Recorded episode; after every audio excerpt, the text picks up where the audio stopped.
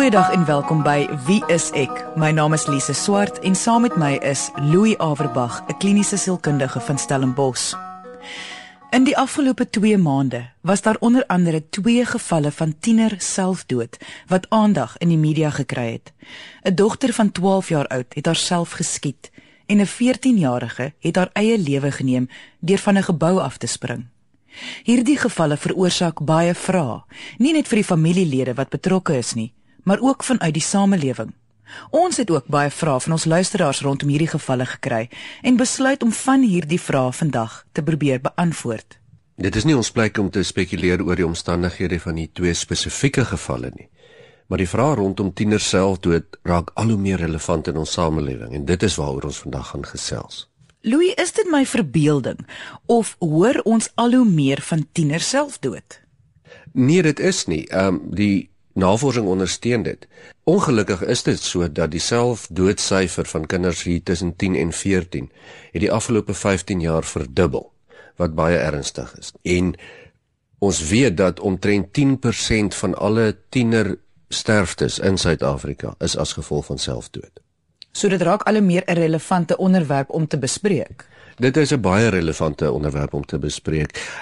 Ehm um, en en sit daarmee saam dat daar maar altyd 'n min of meer 'n verband tussen depressie en selfdood is. Weet ons dat daar nie regtig voorsiening gemaak word vir hierdie gemoedstoestande onder tieners om dit regtig te behandel nie. Dit is amper asof ons dit nie regtig wil weet nie.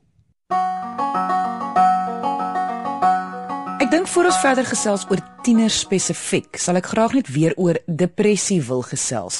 Hoe 'n groot rol speel depressie in selfdood uh, oor die algemeen? En wat is dit van depressie wat iemand laat besluit om hul eie lewe te neem is die enigste opsie? Kyk, daar is 'n verband.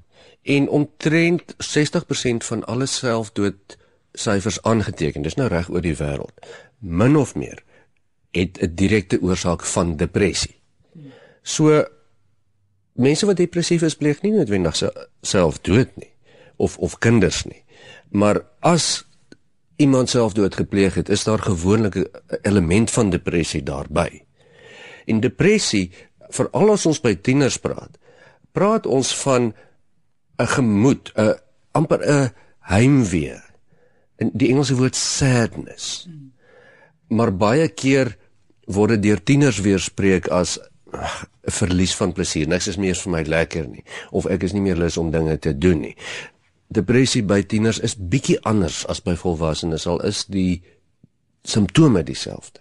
Maar dit voel vir my tieners is nog te jonk om aan depressie te ly. Ja, dit voel vir my ook so en dit voel vir ons almal so. Voeg daarby dat meeste volwassenes is nie gemaklik met die idee dat depressie die amper half 'n siekte van ons tyd is en dat volwassenes daarmee sukkel nie, wat nog te meer van tieners. As gevolg van een van die tieners selfdoodstories in die media, het die vraag van konfidensialiteit opgekom. Wanneer 'n volwassene of tiener aan iemand anders sê hulle dink aan selfdood, waar is die denkbeeldige lyn? Met ander woorde, wanneer breek jy die betrokke persoon se vertroue deur vir iemand te gaan vertel hulle dink jy wil dalk selfdood pleeg? Dit hang natuurlik so baie af van wie die betrokke persoon is um, en wat die omstandighede is. Maar oor die algemeen is 'n grens van besering of ernstige besering aan self of aan ander mense. Nogal die aanduider dat mens kan begin daaraan dink om 'n lyn van van vertroulikheid te oorsteek. Met ander woorde, as daar sterk sprake is dat 'n tiener hom of haarself baie seer sal maak, soos selfdood of ernstige selfbesering of die gevaar dat iemand anders. Dan moet mens nou maar gaan en sê nee wag, ons kan nie hierdie ding vertroulik hou nie. Ons sal moet uh uh ons sal moet dit in die oop bring vir die ouers vir vir mense om daarmee te werk. As jy sê selfbesering, wat presies praat jy van hierso? Hier praat ek van letterlik iemand wat 'n risiko neem om ernstige skade aan hulle self te maak. Ek praat nie van wat baie keer gebeur uh by tieners of ook by volwassenes mense wat hulle self liggies kerf of of sny wat baie keer met emosionele uh hartseer gepaard gaan. Ons praat nie daarvan nie. Ons praat van regtig waar 'n risiko om om jouself om die lewe te bring of om jouself in fisiese gevaar te sit byvoorbeeld waar jy om die lewe gebring kan word soos om nie te eet nie of om alkohol te gebruik en te bestuur, sulke dinge. So vertroulikheid met tieners is 'n moeilike aspek. Mens moet nou in gedagte hou dat tieners het ook 'n reg en volgens die wet het hulle ook 'n reg tot vertroulikheid. Die wet sien 'n persoon as 'n regspersoon met iemand met ander woorde iemand wat daarmee stem het wat daarmee kan sê wat hy of sy wil hê wat ook 'n aanspraak het hierso van die ouderdom van 12 13 af. So as 'n tiener op 12 13 byvoorbeeld vir 'n professionele persoon soos 'n sielkundige of 'n predikant of 'n dokter vir vertroulikheid vra dan moet daardie persoon vir die tiener die vertroulikheid gee En in daardie geval is vertroulikheid met 'n tiener dan niks anders as vertroulikheid met 'n volwassene nie. Dis vanuit 'n professionele oogpunt. Ons praat nie nou hier van familie, vriende, selfs afrigters ensovoorts nie. Hulle is nie professioneel gebonde aan vertroulikheid soos mense wat byvoorbeeld aan mediese reëls gebonde is nie. Maar daar's altyd 'n lyn van oordeel. Maar tog moet mens in ag neem hoe tieners praat tieners is hulle nie meer in elk geval geneig tot om te praat oor die dood of te praat oor selfdood nie. Dit is tog 'n baie moeilike lyn om te onderskei is die tiener nou ernstig of nie. Dit is baie baie moeilik want ons moet verstaan tieners is al klare emosionele stormagtige fase. Hulle sal sommer maklik sê man, ek sal beter af wees sonder my familie. Is dit nou regtig 'n dreigement van selfdood of is dit nou sommer net iets om effek te kry? Nee, dit is baie moeilik en selfs met volwassenes is dit baie moeilik om te bepaal gaan iemand regtig nou selfdood pleeg of is hierdie net 'n manier van uitdrukking? En ek wil weer sê mense wat dit werklik doen en selfs tieners doen dit hulle praat nie sommer daaroor nie alhoewel daar in retrospek altyd mos maar waarskuwingstekens was is dit nie so maklik om dit in die oomblik raak te sien nie Vir my 'n bietjie daaroor uit. Ek ek dink ons almal vergeet 'n bietjie daarvan dat wanneer iemand hulle lewe wil neem, is dit nie in 'n oomblik van waansin of iets nie. Dit is 'n dit is hulle is heeltemal in beheer van hulle gedagtes. Is dit nie korrek nie? Oor die algemeen tog. Mense is geneig om te dink dat iemand wat op die oomblik of of iemand wat dan selfdood pleeg op die oomblik glad nie helder kan dink uh miskien heeltemal deurmekaar is uh of of of selfs nie heel kontak met met realiteit het nie en dit is nie altyd waar nie. Baie keer. Ehm um, gaan mense juist tot daai aksie oor as hulle in hulle koppe bietjie energie het of bietjie helder denkend is volgens hulle self, nê. Nou moet mense dat ander ding onthou, dis dat tieners merkbaar meer impulsief is as volwassenes. En hierdie ding maak dit ongelooflik moeilik. En baie keer dan uh, voel ouers verskriklik sleg en skuldig natuurlik nadat tieners selfdood gepleeg het want hulle voel hulle moes dit voorkom het. Hulle is dan die ouers wat mens verstaan. Maar die impulsiwiteit die um, baie keer die isolasie baie keer die generasiegaping tussen ouers en tieners maak dit baie moeilik en dan is ouers gewoonlik die laastes wat eintlik iets agterkom. Dit maak hulle nie skuldig aan die daad nie. Nee natuurlik maak dit hulle nie skuldig nie Uh maar ouers het natuurlik hierdie vraag want hulle het ook 'n verantwoordelikheid teenoor hulle kind. Wat moet ons doen? Wat moet ons anders doen? Wat moes ons nie gedoen het nie of wel gedoen? Jy luister na Wie is ek met Louie en Lise op RSG 100 tot 104 FM. Goed, maar as dit so moeilik is om dan te onderskei tussen dit is nou maar 'n tiener wat hoogs emosioneel is wat maklik kan sê ag ek my familie het my nie meer nodig nie of hulle gee nie om oor my nie. Hoe onderskei 'n mens dan as jy nie 'n professionele persoon is nie? Dat goed, hierdie is 'n gevaarteken. Hier het ek nou 'n probleem. Ek sal vir iemand anders dit moet sê. Ek dink ons sal dan almal moet begin aanvaar as 'n eerste stap dat tiener selfdood 'n groot realiteit is. En dit nie isolasie gevalle is nie, nê. Nee. Ons kan nie die ding verder ignoreer nie. 'n derde van alle hospitaalopnames wat met selfdood te doen het, behels tieners. 'n derde, 'n derde. Dit beteken nie dat almal van hulle noodwendig wou suksesvol selfdood pleeg nie of dat hulle sover gegaan het nie. Maar dit wys vir jou die enorme syfers van selfdood onder tieners. En mense kan nou maar sê ja, dis 'n fase of dit is dit of dit is dat. Ehm um, of dis maar net 'n nuwe gier onder die tieners. Dit is geweldig kommerwekkend. Die syfers is baie baie groter as wat mense besef. So ons het amper nie meer die luukse om dit te ignoreer nie. Ons sal baie mooi moet kyk. Ons sal sommer moet van die begin af aanvaar. As jy 'n tiener in jou huis het, is hulle val hulle in daai kategorie van die hoogste selfmoordrisiko in die wêreld is tussen 15 en 29. Dis die ouderdom 15 en 29. So jou tiener is klaar in 'n risikokategorie.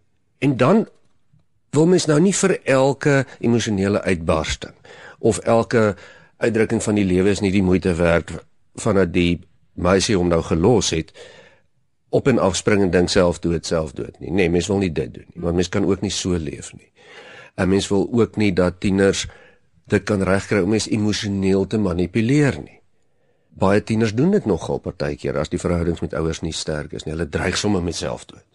Maar mens kan kyk na patrone. En die patrone by tieners lyk baie soos die patrone by volwassenes. Dis 'n patroon van depressie gewoonlik. En die groot ding van 'n patroon is dit moet darm iets wees wat anders is as wat dit altyd was en nou vir 'n lang tyd aanhou. Byvoorbeeld, jy kan nie as iemand as jou kind altyd uh, vreeslik opgewonde was en hy of sy is nou vir 'n week lank ongelukkig en lê in, die bed, nou sê daar's 'n patroon nie. Hierna 'n maand of 2 kan mens begin sê, is dit nou amper enorm vir die kind om nie meer met die vorige maats te wil bymekaar kom nie om nie meer te wil skool gaan nie, om te wil isoleer, donker gedagtes. Jy weet dit is moeilik. Ek sê weer eens, want meeste tieners kom so oor. So jy as ouers se werk eintlik begin voor tienerskap. Ek sê altyd as dit as die kinders in hulle tienerjare ingaan, is dit basies amper te laat om dan 'n verhouding van kommunikasie te wil begin vorm. Dit moet voor die tyd wees. Jou kind goed genoeg ken sodat as hy of sy deur die tienerjare gaan, dan kan jy mooi onderskei en dat jy daarom kan praat. En daai werk begin voor die tyd. Ons praat vandag oor tiener selfdood. Daar was nou onlangs 'n paar berigte in die media van sulke gevalle. Dit het nie net 'n direkte effek op die betrokke families nie, maar ook op die breë samelewing, gespreksforums en sosiale media. Voor die advertensiebreek het ons gepraat oor hoe tieners selfdood verskil van selfdood onder volwassenes, wat 'n rol depressie speel en wanneer breek mens iemand se vertroue en gaan vertel vir iemand jy vermoed 'n persoon wil sy of haar eie lewe neem. Indien jy dit gemis het, kan jy na die pot gooi gaan luister na RSG se webwerf, dit is rsg.co.za. Soek net vir wie is ek en kies die episode volgens die uitsaai datum. Louis, die groot vraag sal altyd wees: kon die selfdood verhoed word? So waarvoor kan ouers uitkyk, soos tekens dat daar dalk iets meer ernstig verkeerd kan wees. Kyk, die heel eerste ding wat altyd 'n ander duider is, is vorige selfdoodpogings.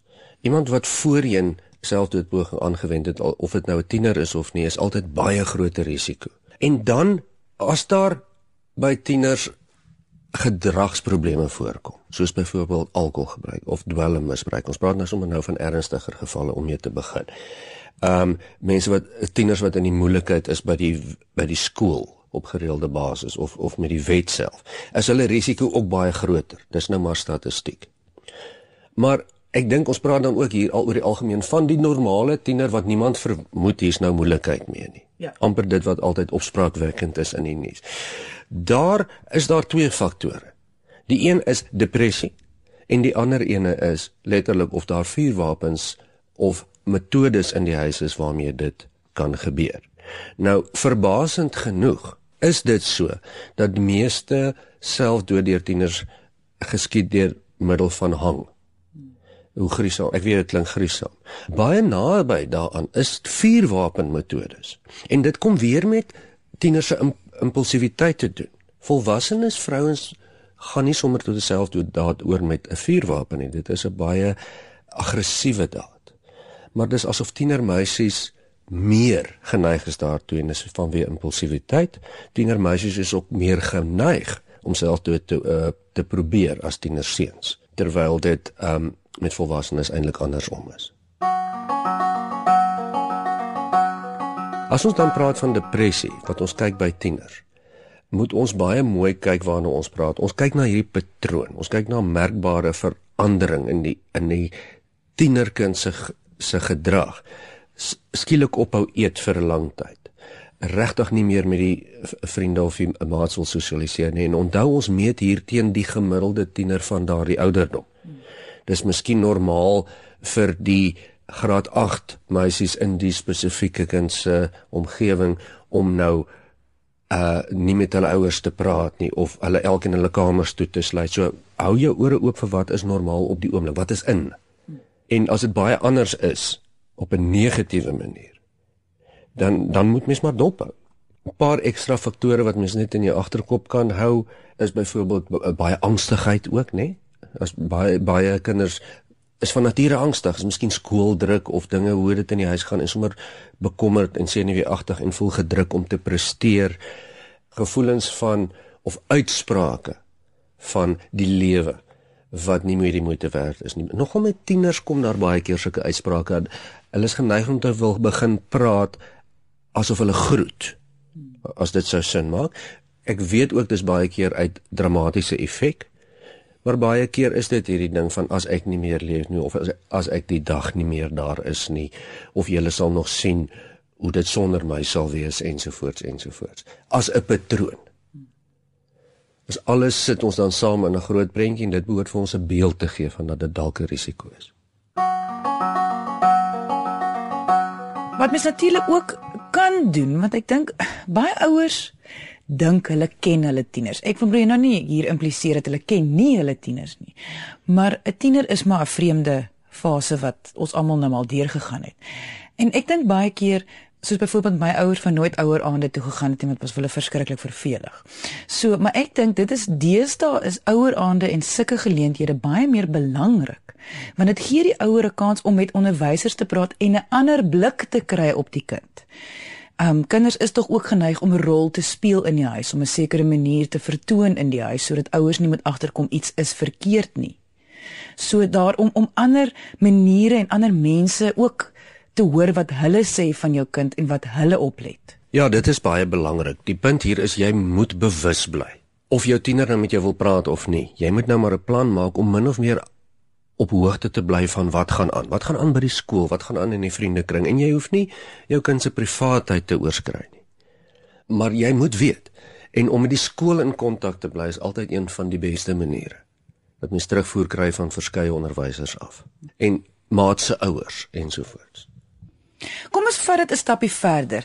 Indien jy as ouer iets vermoed, soos depressie, Is dit belangrik om 'n diagnose by 'n professionele persoon te kry? Ja, natuurlik. Vir presies dieselfde rede as wat jy vermoed jou kind het longontsteking of eh, jou kind het dalk 'n immuniteitsprobleem. Die heel eerste ding wat jy doen is jy kry 'n diagnose. Daar's geen verskil nie.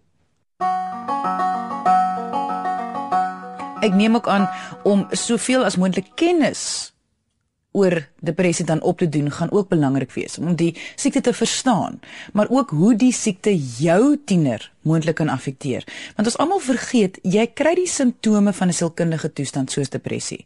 Maar omdat jou tiener uniek is in persoonlikheid en voorkeur, kan baie van die simptome anders manifesteer. Nou net mooi by jou tiener as noodwendig by 'n ander tiener. Ek stem saam en vind ook dat mense met die beste bedoelings regtig nie verstaan hoe ernstig depressie is wêreldwyd en presies wat dit is nie. Ek het byvoorbeeld nou die dag weer 'n volwasse kliënt vir my wat my gesê het nie, maar um, hy is nie depressief nie want hy het nie selfdoodgedagtes nie. En dit is nie 'n oningeligte persoon nie, dit is 'n aanduiding van die persepsie daar buite dat depressie is 'n toestand wat met abnormale mense gebeur en amper 'n abnormale ding is wat iets te doen het met ander mense wat nie soos ons is nie. Terwyl ek so ver wil gaan om te sê daar ek soek 'n familie dan ten minste nie 'n gesin nie waar daar nie duidelike diagnoses van depressie is in vandag se tye nie. Ons sukkel geweldig in die wêreld hier en die tieners ook. Ons gaan terug in ons gedagtes en dink toe ons tieners was, het ons nie geweet van sulke dinge nie. En daar was nie sulke goed nie. So die jong mense verbeel hulle sommer maar net kan baie maklik die fout wees wat ons begaan. Die feit van die saak is dit was nog altyd daar. Dis net baie makliker deesdae om inligting te kry en te weet waar daar oral toestande is met die internet en met maklike kommunikasiepatrone. Dis nie iets wat net is nie. Dit was altyd daar, dit het net meer geword. Jy luister na Wie is ek met Louie en Lise op RSG 100 tot 104 FM. Indien 'n tiener na hierdie episode luister wat dalk dink aan selfdood, watter raad het jy vir hulle? My raad sou wees om die proses uit te stel. Om mooi te dink hieroor. Ek besef daar's niks wat ek nou vir 'n tiener kan sê wat niemand anders ook vir hulle sal sê of hulle vriende of hulle ouers of hulle onderwysers of raadgewers nie. Almal sal dieselfde sê en sê nee man, moenie simpel wees nie, moet dit nie doen nie.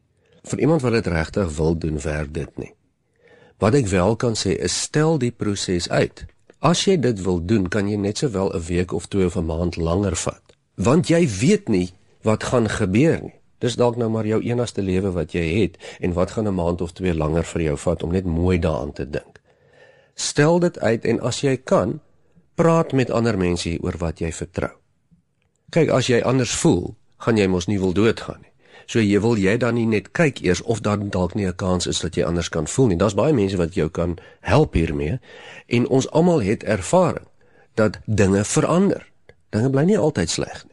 En jou raad vir ouers wat bekommerd is oor hulle tieners, watter raad het jy vir hulle? In 'n ideale wêreld sal mens graag wil hê dat as jy bekommerd is oor jou tieners, behoort die verhouding dan so te wees dat jy onmiddellik met hulle kan kommunikeer want dit is dan jou voorafwerk as ouer. En dan behoort jy die ding deur te kry.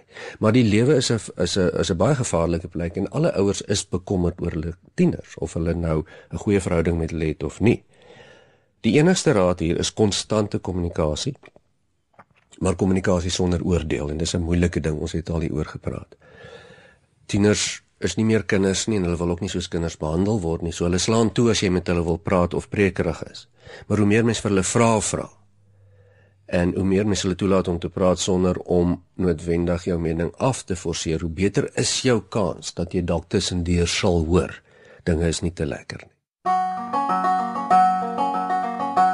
En dan laastens, indien iemand nou na die program luister wat wel die vertroue van 'n tiener tans het en hy of sy is nie seker of hierdie tiener dalk 'n selfdoodgeval is nie. Watter raad het jy vir hulle? Die eerste stap sou wees om as mense vertroulike verhouding met 'n tiener te hê as 'n volwasse om van die begin af te verduidelik waar die grense van die vertroulikheid lê. Dis altyd 'n goeie plan om te sê goed, ek kan hierdie en hierdie tipe gesprekke vertroulik hou, maar as dit op hierdie en daardie vlak gaan, kan ek dit nie vertroulik hou nie. En as daar dalk nou die vermoede by jou is, sal ek eerder dan direk met die tiener gaan praat en sê luister, jy sal met my moet praat hierdie want as ek baie sterk die vermoede het dat jy 'n groot risiko is, sal ek moet vir jou ouers of vir die ander onderwysers of wat dit ook al is moet inlig. So ek wil nie agter jou rug gaan nie praat eerder direk met my en dan maak ons saam 'n plan om ander te betrek. Dit beteken nie mens moet nou links-regs tieners se vertroulikheid breek nie. Nee, dit is 'n baie baie be belangrike aspek vir albei tieners. Dat mens nie as dit nodig is hulle vertroue skend nie, want dan kry jy dit nie weer terug nie. Maar fisiese veiligheid uh uh is tog nog belangriker. En iemand kan jou altyd later vergewe wat dan gesonder of lewendig is. Tienerselfdood is op alle vlakke 'n baie komplekse onderwerp. Ons het vandag net gesels oor die basiese feite wat hiermee gepaard gaan. Indien jy enige vrae het oor hierdie onderwerp, kan jy ons kontak deur ons webwerf. Dit is wieisek, is een woord, .co.za of deur ons Facebookblad onder wieisek met Louie en Lise. Ons het aan die einde van vandag se episode gekom. Baie dankie dat jy ingeskakel het. Ons maak weer so volgende Vrydag 0.30 net hier op RSG. Jy moet 'n heerlike naweek hê en onthou, kyk mooi na jouself.